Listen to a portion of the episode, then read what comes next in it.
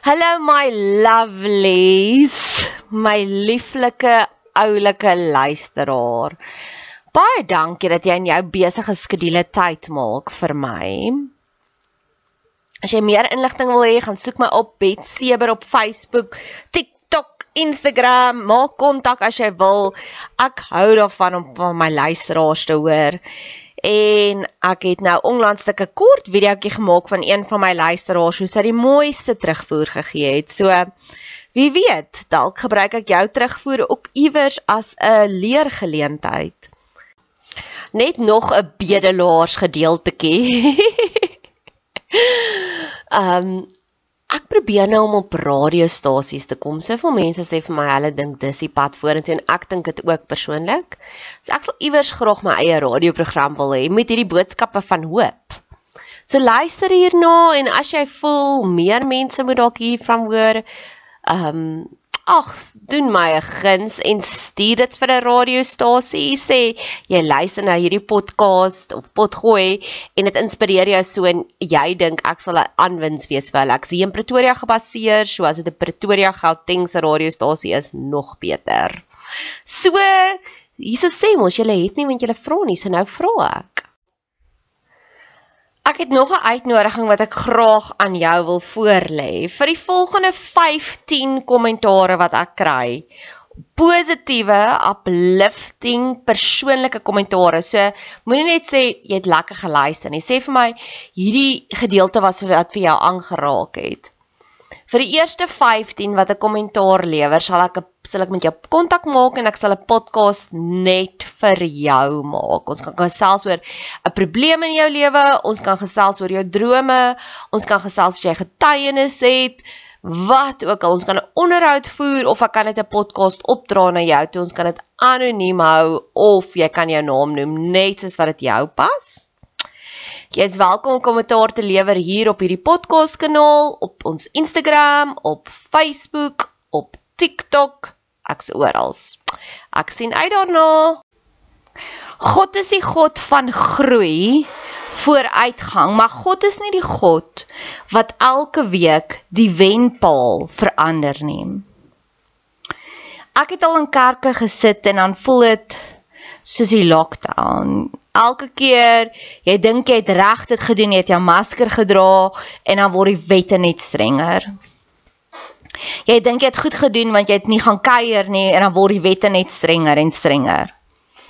Ek kan onthou dit was die laaste keer wat ek regtig teen my wil in 'n kerk was. Van daar af het ek net kerk toe gegaan as ek wil. Was 'n Kersdiens 2018 in 'n kerk, 'n hervormde kerk. En die en on, ek kan onthou ons was so bly en dit was die laaste dit was die laaste erediens wat my ouma daar die laaste kersfees as my ouma teenwoordig was. En dit was so 'n special oomblik en ons was enjoy daar en ons het die hele familie het van heine en verre afgery en die dominee het so depressing preek gehad. En hy het ons so skuldig laat voel cuz we're not good enough. En ek het daar gesit en na daai kerk gekyk en na al daai ou grys koppe. En my hart het so jammer gevoel vir hulle want ek wil sê nee, dit is nie die God wat ons dien nie. Dis juis waaroor hierdie dag gaan. Jesus het God het sy seun gestuur om ons te kom verlos. Hierdie is 'n tyd van joy. En dan stap jy daar in daai kerk en jy dink ek het actually 'n okay week gehad. Ek het nie op iemand geskree nie, ek het nie padwoorde gehad nie. En dan staan daai dominee daar en hulle oortuig jou van nog meer sondes wat jy nie eens geweet het jy het nie en jy voel stap daar uit en jy voel nog meer krappier. En dan volgende week probeer jy om nie op iemand te skree nie, nie padwoorde te doen nie en om ook jou tiende te gee want dis waar jou dominee jou geshame het en dan stap jy daai volgende week weer in daai kerk in en dan dink jy okay hierdie week het ek nie op iemand geskree nie ek het nie padwoorde gegee nie ek het my meer as my tiende gegee hierdie week gaan ek daai stamp of approval kry hierdie week gaan ek sien dat God is liefde en God is genade en dan staan daai dominee daar en dan preek hy met jou omdat jy nie genoeg gebid het hierdie week nie En dan gaan jy weer huis toe. En elke week word die wenpaal verskuif verskuif en dis nie God nie. God is genade. God kyk na jou en hy sê vir jou jy doen meer as goed. Ek is so trots op jou. Ek brag oor jou. You are doing good. Al het jy 5 keer op daai taxi getoet. Ek is nog steeds so trots op jou want jy's 'n goeie mamma. Maar aan die ander kant wil ek ook sê, so ek het begin met hierdie disclaimer. Maar God is die God van groei. En dis nogals iets wat ek hierdie week besef het dat min mense besef dit want ek het hierdie vriendin vir wie ek inniglik lief is en ek sê vir haar ek wil remote viewing kan doen. En sy sê nee Nadia dis vir die sataniste kan doen en ons moenie dit doen nie. En ek sê dis nonsens. Hoekom waar kom jy daarvandaan en sy sê God het gesê ons mag nie van die boom van goed en kwaad van kennis eet nie en ek sê ja heel in die begin En later aan was hy die hy is die God van groei. Toe sê ek vir hom, jy sal 'n onvers jy sal 'n onverskillige ma wees as jy vir jou 3-jarige die sleutels van jou kar gee. Maar jy sal 'n goeie ma wees as die kind 21 is en jy gee vir hom 'n kar met sleutels. Ek sê so heel in die begin, dit was die reëls, maar God is die God van groei. Daar's soveel meer wat ons nou kan doen. Later sê hy in Hosea, sy volk gaan te gronde weens 'n gebrek van kennis. So wanneer jy begin met God loop en dit het ek al keer op keer gesien. As jy 'n baba gelowige het, drink jy net melkkos. Maar later kan jy styk eet. Jy gaan 'n slegte ma wees as jy vir 'n pasgebore baba styk gee. En God is die goeie ouer. Maar God is die God van groei. So jou geloofswandel sal ook groei. Maar is nie daai shaming groei wat ek nou net verduidelik het nie. Byvoorbeeld, 9 jaar terug het ek vir God ontmoet deur geestelike oorlogsvoering. So ek het geleer om te sê gees wat nou my so depressief maak, ek bind jou kragte in die naam en die autoriteit van Jesus Christus, want daar staan geskrywe God sal vir ons 'n gewaad van lof gee. En ek het dit oor en oor en oor gedoen omtrent vir 'n jaar lank. Ek kan nie ek kan onthou wanneer laaste ek geestelike oorlogsvoering gedoen, maar dit was vir iemand anders. Maar ek doen dit bittermin, een keer 'n jaar. Want God is die God van groei. So ek het nou al so autoriteit daaroor dat ek hoef dit nie meer te doen nie. Dit gee dit gebeur nou al outomaties. Nagmaal gebruik. Ek het op stadiums baie gereeld nagmaal gebruik. Nou is dit net in ekstreem gevalle want jy groei. So ek het daai voordele altyd van dit.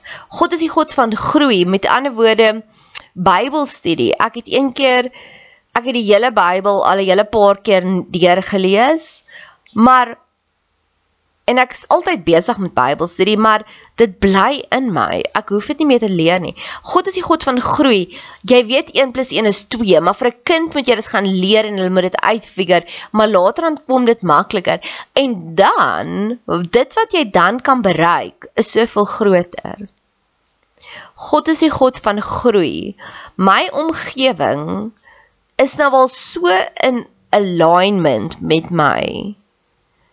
Ek hoef nie meer dinge te doen nie.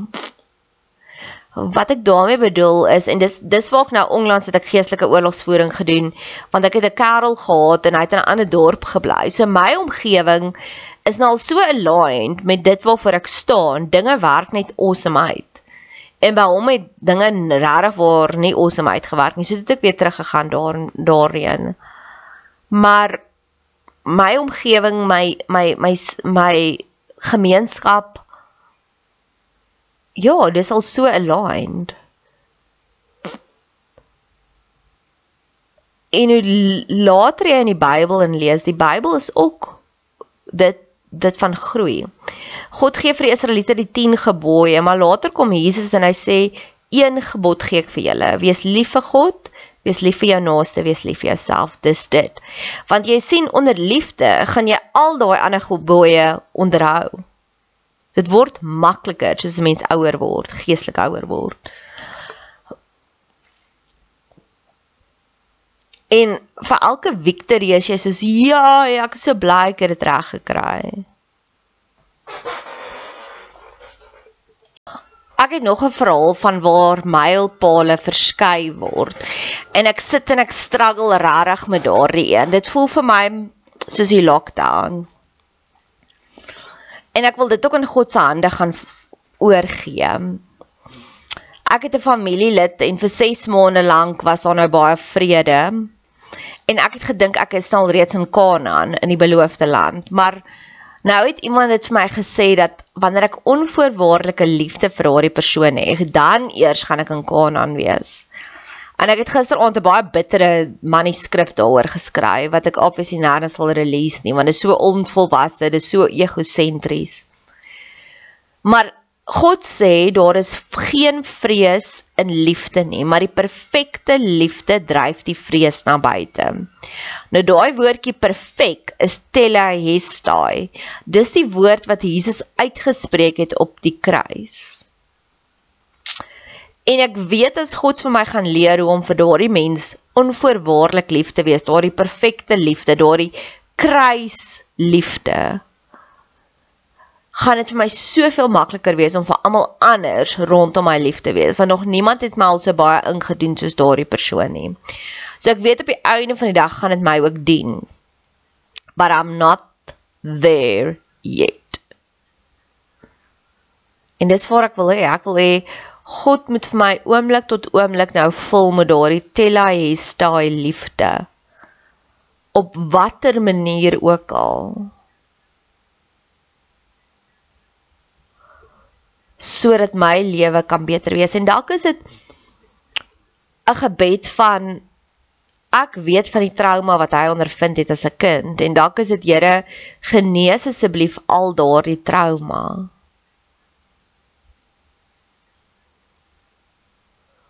Maar dan klink dit ook selfsugtig. Ek weet nie. Maar ja, daar's nog 'n mylpaal gebed. Dalk is dit hoe jy ook voel. Ek het nog 'n awesome getuienis wat ek graag met jou wil deel. So Saterdagoggend het ek hierdie naweek vir myself beplan. Ek het hierdie awesome boek van Rob Bell, Everything is Spiritual. En natuurlik, as die Gees my lei, sal ek podcast daaroor maak want ek love dit mos om dinge met julle te deel, my liefste luisteraars. Want ek weet ons almal se tyd is beperk en ek weet die feit dat jy so lankal in hierdie podcast sit en kuier, is jy net so leergierig soos ek. So I will spread the joy. Maar ek was so opgewonde. Dis een van daai boeke wat ek se baie vinnige leser behalwe as ek nie is nie. ek kan onthou die film The Two Popes het ek in 5 ure gekyk want dit het my so aangeraak. Ek sou eers gestop het en dan weer 'n bietjie gaan Google het en dit was net vir my so amazing. Wanneer jy 'n bietjie geskiedenis leer en wanneer jou lewe geestelik verryk word. Nou dis dieselfde met die Rob Bell boek en ek sê net vir almal, "O, oh, ek lees hierdie awesome boek, maar ek kan nog nie relate nie. Ek kan nog nie teach nie." En dis hoe ek die beste leer is ek sal dit inneem, ek sal dit prosesseer en dan sal ek daarop teach. So ek's nog eers so op die inneem. Ek sukkel nog so 'n bietjie om te prosesseer want dit voel vir my en dit is nie die eerste keer wat ek so 'n boek lees nie. Dit voel vir my asof die persoon Rabel het soos my hele lewe gaan bestudeer en dan vertel hy vir my hoekom het ek sekere goed gevoel. En elke keer dan pause ek kan soos ja, dis hoekom ek dit so weird gedoen het daar. So ek was so opgewonde om hierdie boek te lees. En 9:00 die oggend bel uh, die groot liefde van 2015 my my groot liefde van 2015 en hy sê hy wil Dalstrom toe gaan, wil ek saam gaan? En ek sê natuurlik wil ek saam gaan. En ons het hierdie awesome naweek. Ja, daar was soveel genesing, daar was soveel magic, daar was soveel mooi woorde. Ek sit en reflekteer nou juis oor die mooi woorde wat ek in die afgelope paar weke gekry het van mans af.